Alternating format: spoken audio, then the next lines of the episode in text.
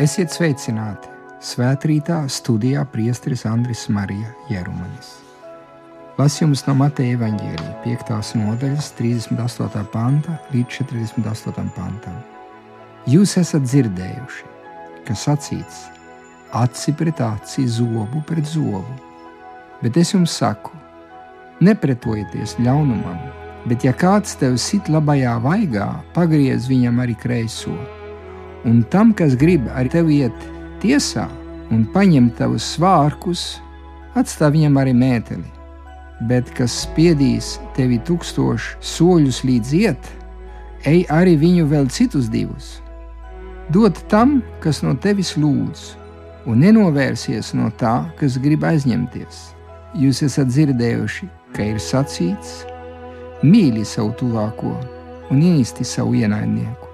Bet es jums saku, mīliet savus ienaidniekus, dariet labu tiem, kas jūs ienīst, un lūdziet Dievu par tiem, kas jūs vajā un godu laupa, lai jūs būtu tā tēva bērni, kas debesīs, kas liek savai saulē uzlikt par labajiem un ļaunajiem, un lietumu līt par taisnīgajiem un netaisnīgajiem.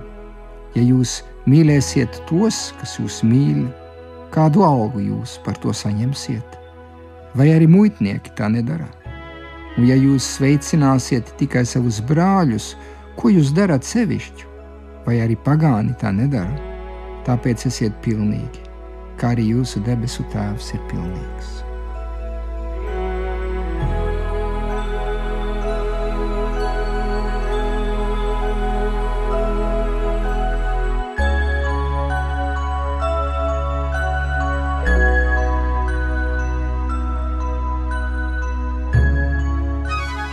Pēc tam, kad kalnā ir pasludinājis svētības, Jēzus pārlasa bauslības priekšrakstus. Nevis, lai tos atceltu, bet izpildītu. Dievišķais vecās derības likums sasniedz pilnību Jēzus klātbūtnē un pašā dzīvē. Likums iegūst dziļāku apvārsni. Šodien mēs eh, saskaramies ar šīs daļas diviem noslēdzošajiem fragmentiem, diviem tekstiem, kas ieplūst viens otrā un kas parāda virsotni kristīgās identitātes augstāko punktu - mīlestību pret ienaidnieku vai universālu mīlestību bez ierobežojumiem un robežām, kas ietver visus bez robežām un nekādu izņēmumu. Tā ir Dieva mīlestība pret mums, un tā ir Dieva mīlestība mūsos. Izteiciens aci pret aci, zobu pret zobu izsaka tā saukto atriebības likumu. Šis likums nebija unikāls Izrēlai, bet bija visu seno tautu likums. Vecā derībā to atspoguļo dažādos pentateuha likumdošanas kodeksos. Mērķis bija noteikt samērīguma principu atriebībā un sodā. No teoloģiskā viedokļa Bībeles gaismā naida un vardarbības izcelsme tiek skaidrota šādi: Sākotnējais grēks, dieva noraidīšana, izraisīja naidīgumu un vardarbību starp cilvēkiem. Pirmā slepkavība notiek Kaina rokās, un pēc tam viņa pēcnācēja Lameha dziesma pat paaugstina personīgo atriebību, kas sniedzās līdz pat visaugstākajai pakāpei. Tāpēc likums kļuva nepieciešams lai ierobežotu vardarbības un augstprātības izplatību, darbojoties kā šķērslis vai atturošs līdzeklis, nosakot saprātīgus pieņēmumus. Tomēr tas neizdzēš ļaunuma realitāti. Nevienam pozitīvam likumam nav spēka izvadīt ļaunumu no cilvēka sirds, dziedinot to pašā saknē. Cilvēks nevar sevi glābt. Tas ir dieva darbs Jēzū. Tāpēc apustulis Pāvils atkārto, ka attaisnošana nenāk no darbiem, bet ir dieva dāvana. Kopā ar Jēzu nāk piepildījuma laiks ar bauslībai, un piepildījums slēpjas mīlestībā. Tas, kas uzvar ļaunumu, ir tikai mīlestība. Lūk, kungs atriebības likumu, ļaunumu pret ļaunumu aizstāja ar labumu pret ļaunumu.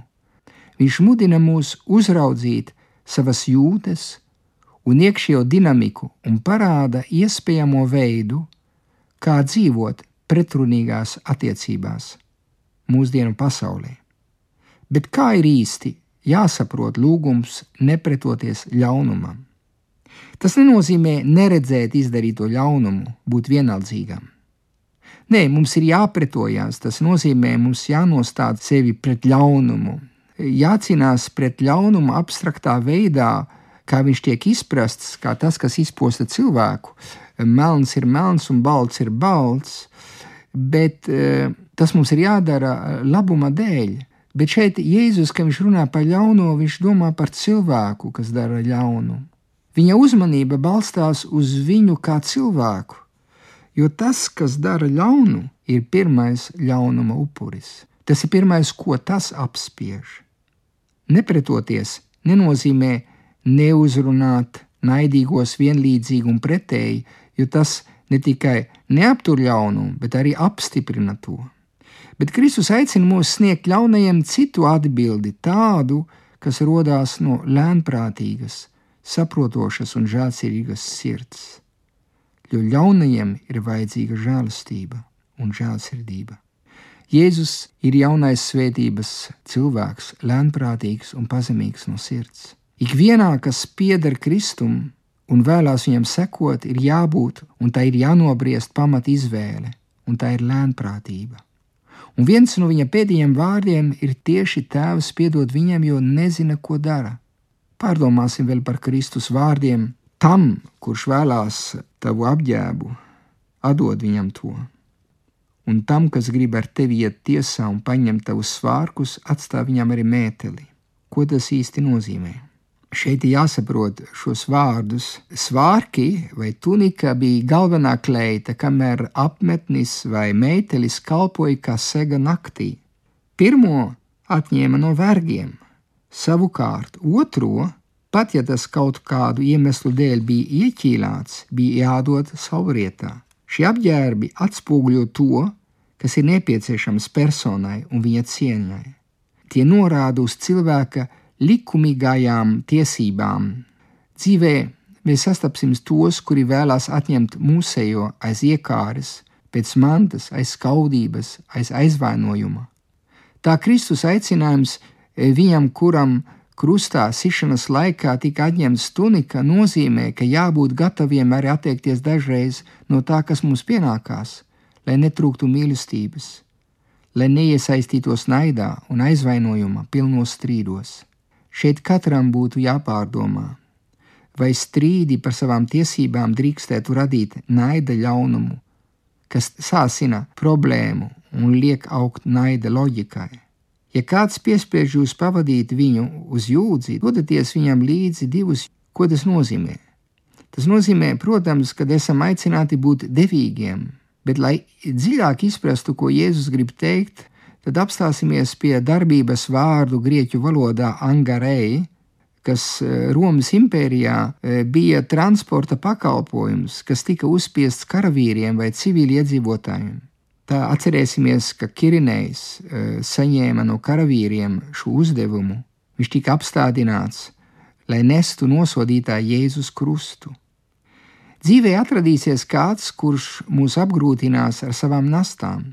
Iespējams, darīs to brīvprātīgi aiz savtīguma vai varbūt netīšām. Kungs liek mums uzņemt šīs nastas, ieklausīsimies, ko Pāvils mums saka, nesiet cits cita nastas, lai jūs izpildītu Kristus likumu. Turpinot lasīt un pārdomāt par šo tekstu, kas mums jau liekas tik grūti, mēs nonākam vēl pie vienas dziļākas prasības - mīlestību pret ienaidniekiem. Ja jau viss iepriekš izklausījās par grūtu, te lielāks pilnīgs vaiprāts, ja dieva vaiprāts. Kungs zina, ka mēs varam mīlēt ar Dieva mīlestību mūsos. Viņš zina, ka mēs esam brīvi mīlēt, jo Viņš ir devis mums mīlestības garu. Viņš ir darījis mūs brīvus. Mēs esam tie, kas to nezina.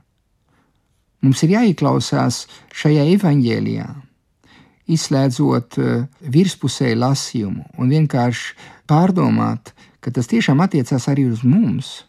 Mums patiešām ir šie vārdi jātiecina uz mums. Mums ir jāmācās smelties mīlestības drosmi, paskatoties uz piesisto Jēzu krustā. Ja mīlēt ir grūti, mēs bieži vien atbildam tiem, kas mūs mīl, bet mēs nespējam atbildēt tiem, kas mūs nemīl. Kā to saprast? Kā iedziļināties šajā vēstījumā? Tieši starp kalna sprediķa vietām šie pēdējie Kristus vārdi ir visgrūtāk pieņemami bet tie ir tie, kas kvalificē visvairāk mācekļus, Kristus mācekļus, kuri ir aicināti mīlēt, kā Kristus ir mīlējis. Tāpat kā Kristus ir mīlējis savus ienaidniekus un krustā ir viņiem piedevis, tāpat arī mēs esam aicināti mīlēt mūsu tuvākos. Mēs bieži vien nespējam atbildēt uz šo bausli, tāpēc ka mēs reducējam tos, ko mēs uzskatām par mūsu tuvākiem. Tuvākie ir mūsu draugi, Un otrkārt, mēs nespējam mīlēt, tāpēc ka mēs mīlējam tikai ar ierobežotu sirdi. Bet Kristus jau saka, ka es jums dodu jaunu bausli, mīliet viens otru, kā es jūs esmu mīlējis. Tad, tad, lai izprastu tieši šo bausli, mīlēt savus ienaidniekus, mums ir jāiziet no Kristus mīlestības. Kamēr es palikšu manā sirds līmenī, es nekad nespēšu mīlēt savus ienaidniekus. Ja mums ir tiešām jāatgriežas pie šiem vārdiem, ko Kristus ir teicis savā mūža nogalē, kā savā testamentā. Tas ir mans bauslis, mīliet cits citu, kā es jūs esmu mīlējis. Un nevienam nav lielākas mīlestības kā šī dzīvību atdot par draugiem. Jēzum tika noņemts drēbes, viņš tika sists, un viņš vienkārši lūdzās, Tēvs, piedod viņiem, jo viņi nezina, ko dara. Mīlestībā pret visiem bez izslēgšanas, tieši šajā mīlestībā slēpjas seno likumu pārvēršana un piepildīšanās. Izsaukumā, ko Jēzus saka, bet es jums saku, Jēzus mums nedod ārēju likumu, bet gan ieraksta mīlestības likumu mūsu sirdīs, kur mājo mīlestības gars, svētais gars, ko mūsos ielējis Tēvs un augšām cēlies kungs. Bez šī augstākā mīlestības likuma nekad nebūs iespējams izlīgt. Dievs ir mūsu izlīgšana. Viņš ir tas, kas mūs samierināja Kristū ar viņu. Izlīgumu nevar sludināt citiem, ja neesam gatavi piedot, izrādīt žēlastību, mīlēt pat tos, kas mums ir nodarījuši pāri. Piedot ienaidniekiem nenozīmē pieņemt grēku, netaisnību, vardarbību pret nabagiem un pazemīgiem. Nē, tas nozīmē kaut ko citu. Tie, kas spēj piedot un mīlēt, ir arī spēcīgi savā apņēmībā pretoties visa veida apspiešanai. Mums ir jāatcerās, ko kungs īstenībā vēlās no mums. Mēs dzirdējām, ka mums jābūt pilnīgiem, kā debesu tēvs ir pilnīgs. Bet praktiski, kas tad mums ir jādara? Vai mums jābūt pasīviem, gļēviem? Nē. Šīs dienas evaņģēlijas mums parāda, ka mums ir ienaidnieku jāatbruņo viņu sirdis. Tā iespējams ir visefektīvākā darbība, ko Jēzus ierosina šajā evaņģēlijā. Ļaunuma spēka atbruņošana. Tieši to mēs varam izdarīt. Pārkāpot šo atriebības likumu, kas valda par mums šīs dienas sabiedrībā, kur mēs labprāt atbildam visos konfliktos ar tādu pašu loģiku, mēs kristīgā gaismā esam aicināti risināt konfliktus plūstošās mīlestības loģikā. Un tāpēc mēs nevaram būt apmierināti ar pašreizējo pasaules loģiku, Mēs nevaram atbildēt ar ļaunumu pret ļaunumu, ar vardarbību pret vardarbību. Nē, mums ir jāatbruņo netaisnība un vardarbība. Šajā nolūkā Kristus, mūsu mācītājs, mūsu skolotājs, var mums palīdzēt. Kristus tiešām mums dod spēku skatīties pāri un skatīties, kā Viņš skatās uz mūsu ienaidnieku. Viņš mums dod spēku piedot. Viņš mums dod spēku arī lūgties par mūsu ienaidnieku. To mēs visi varam izdarīt, lūgties par to, kas mums dara pāri. Būtībā mums ir jāneutralizē ienaidnieku, niknumu potenciālu, agresīvam cilvēkam jāatbild ar mūsu laipnību, ar mūsu lēnprātību. Tādējādi cilvēks, mainot sava prāta loģiku, padara ienaidnieku nekaitīgu. Galu galā atbruņošanās sākās no sirds. Mums būs jāizvairās no iekļūšanas dusmīgu spītu apburtajā lokā, it kā mums būtu jāpierāda, ka esam nemazāk vardarbīgi. Mēs vispirms skatāmies uz ienaidnieku, kā uz cilvēku, ko Dievs mīl, arī pat, ja viņš mums dara pāri. Un tas maina mūsu skatu un atbildi, ko mēs dodam tai problēmai, ko viņš rada. Protams, šodien dzīvojam konflikta situācijā šeit, kaimiņu valstī, kur eh, netaisnīgā veidā kādam tiek uzbrukts, un viņš aizstāvjas. Nekad nevajadzētu aizmirst, ka pat ja ir tiesības un ir pienākums aizsargāt sevi, pielietojot attiecīgos ieročus, nekad nevajadzētu aizmirst, kad mums arī jālūdzās par mūsu ienaidniekiem. Un kad jāskatās tālāk, kad kādreiz ir jābūt tai drosmei spērt vienu soli atpakaļ, lai uzvarētu citādā veidā. Mīlestības loģika pieprasa tādu risinājumu, ko no prāta viedokļa mēs nespētu spērt, bet skatoties uz Kristu, mēs esam aicināti atrast pareizo atbildi konfliktu situācijās. Jēzus ir mūsu skolotājs. Tātad, ja kristieši, ja divi kristieši cīnās savstarpēji, tad varbūt ir jāpaskatās patiešām Kristus virzienā un iziet no Kristus mācības un no Kristus sirds, iemācīties šo lemprātību un šo piedošanas garu. Bet tas, protams, pārsniedz cilvēka loģiku, un šeit mums visiem pazemīgi lūkšanā ir jālūdz šī žēlastība, spēt piedot, spēt saprast otru, spēt atrast atrisinājums, kas no cilvēcīgās puses nav iespējami. Šeit ir paradoks, ko tikai kristīgā gaismā mēs varam saprast. Lūksim, lai kungs pārveido mūsu sirdis, lai akmeņu cilvēks, kas esmu es, kurš ir nocietinājis savu sirdi ikdienas dzīvēm, mācītos no Kristus šo lēnprātību. Mēģināsim neutralizēt naida bumbu, mēģināsim pāraut vardarbības spirāli ar mīlestības bumbu. Mīlestības bumbu pret ienaidniekiem ir spēcīga, varbūt spēcīgāka par jebkuru katru ieroci, jo tā var iedarbināt ķēdes reakciju. Mēs varam pateikt, ka mīlestības bumba ir varbūt efektīvāka nekā naida bumba pagātnes vēsture, ar konfliktu risināšanas vēsture parāda, ka nonāk brīdis, kad cilvēkam ir jāpāriet citā līmenī. Un jāieklausās šīs dienas evaņģēlijas vārdos, kur Kristus mums parāda konflikta atrisinājuma ceļu. Nav labāka veida, kā atbruņot ienaidnieku, kā būt vienaldzīgiem pret viņa draudiem, ko bieži vien mēs dzirdam vārdos un pārmetumos. Nav labāka veida, kā reaģēt uz ļaunumu, kā skatīties uz cilvēkiem, kas mums dara pāri, no citas eh, perspektīvas. Ieklausīties Kristus vārdos, kas mums saka, lai jūs būtu kā tēva bērni, kas debesīs, kas liek savai saulē uzliekt par labajiem un ļaunajiem, un lietumlīt par taisnīgajiem un netaisnīgajiem. Jā, nu nevienam no mums nav ekskluzīvas mīlestības. Dievs mīl visus, Viņš mīl arī mūsu ienaidniekus. Viņš arī mīl tos, kas mums dara pāri. Viņš neattaisno ļaunumu.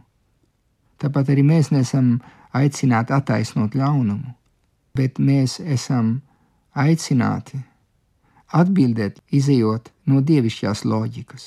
Šo dievišķo loģiku šīs dienas evaņģēlijas var mums atklāt esam aicināti tātad lūgties par mūsu ienaidniekiem. Lūkšana par tiem, kas mūs vajā, ir iespējama un ir vienmēr iespējama.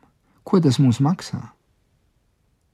Tas nozīmē novēlēt viņiem, lai kungs ir klātesošs viņu dzīvē un pārvērš ļaunumu, kas viņiem ir iekšā par labu gan viņiem, gan arī mums. Jā, lūgties par tiem, kas mūs vajā, ir mūsu ierocis, ko mēs tikai varam pielietot, ja mēs mīlam patiešām, kā Dievs ir mīlējis katru cilvēku. Jābūt drosmīgiem, ticēt, ka Dievs ir spēcīgāks par jebkuru katru ļaunumu, ka Kristus ir augšām cēlies un ka viņam piedara viss, ka viņš ir alfa un omega, un kad arī ļaunums tiks uzvarēts. Atrisināt domstarpības ar ieročiem ir viens ceļš, bet Kristus mūs aicina iet tālāk. Viņš nesaka, ka mēs nevaram aizstāvēties, bet viņš mūs aicina sagatavot miera ceļus, jo pēc kara nāks miers. Un tad vislielākais zaudētājs būs tas, kas nespēs piedot, kas nespēs mīlēt, kas dzīvos uz pagātnes ievainojumiem. Pirms dažām nedēļām pāvests ieradās Āfrikā, un mēs zinām, kā karš ir sadrumstalojis Āfrikas kontinentu un kā cilvēki ir sanaidojušies. Kongo bija valsts, ko viņš apciemoja, un Kongo ir piedzīvojuši drausmīgu karu pēdējos 20 gadu laikā. Ir miruši vairāk par 15 miljonu cilvēku, un uzrunājot eh, tos, kas karoja, un tiem, kuriem jādzīvo kopā šodien, viņš vienkārši teica, mums nav citu atbildi, kā piedot viens otram un iziet no mūsu ticības pamatiem. Jo tie, kas savstarpēji cīnījās viens pret otru, bija arī kristieši. Un ja kristietis nespēja izlīgt, tad viņš nav sapratis šīs dienas evaņģēlijas pamatus. Un ka Kristus mūs vienmēr prasīs vairāk, Viņš mūs prasīs pilnību, un šī pilnība ir tikai Dieva žēlastības dāvana jo cilvēka loģiku mēs nespēsim spērt šo soli. Mēs varam noslēgt šīs pārdomas ar eh, Svētā Franciska vārdiem par mieru. Tie vārdi, ko Svētais Francisks kādreiz teica, spēja atnest pastāvīgu atbildi konfliktos, kuros mēs dzīvojam. Vai tas būtu mūsu ģimenē, vai tas būtu starp konfesijām, vai tas būtu arī starp valstīm. Kungs, padari mani par tava miera darba rīku, un kur naids dod man mīlestību sēt, kur pārdarījums piedošanu, kur grūtsirdība prieku, kur izmisums cerību, un kur tumsa kungs dod man par gaismu kļūt. Ak, dievišķais kungs, dod man spēku ne tik daudz vēlēties tikt saprastam, cik saprast. Ne tik daudz meklēt atbalstu, cik atbalstīt, ne tik daudz vēlēties tikt mīlētam, cik mīlēt, jo dodot mēs iegūstam. Piedodot, saņemam atdošanu paši, un mirstot, piedzimstam mūžīgai dzīvei.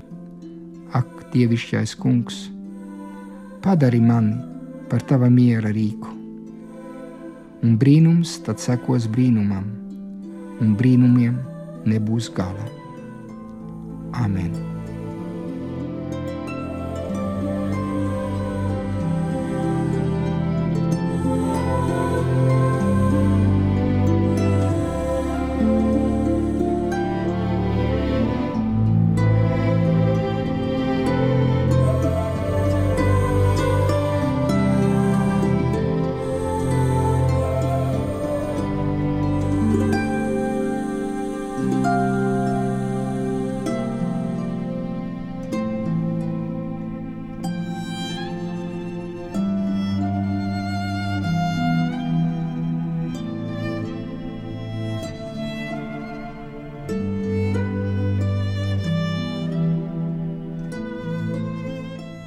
Svētrītā kopā ar jums bija priesteris Andris Marija Jerumanis.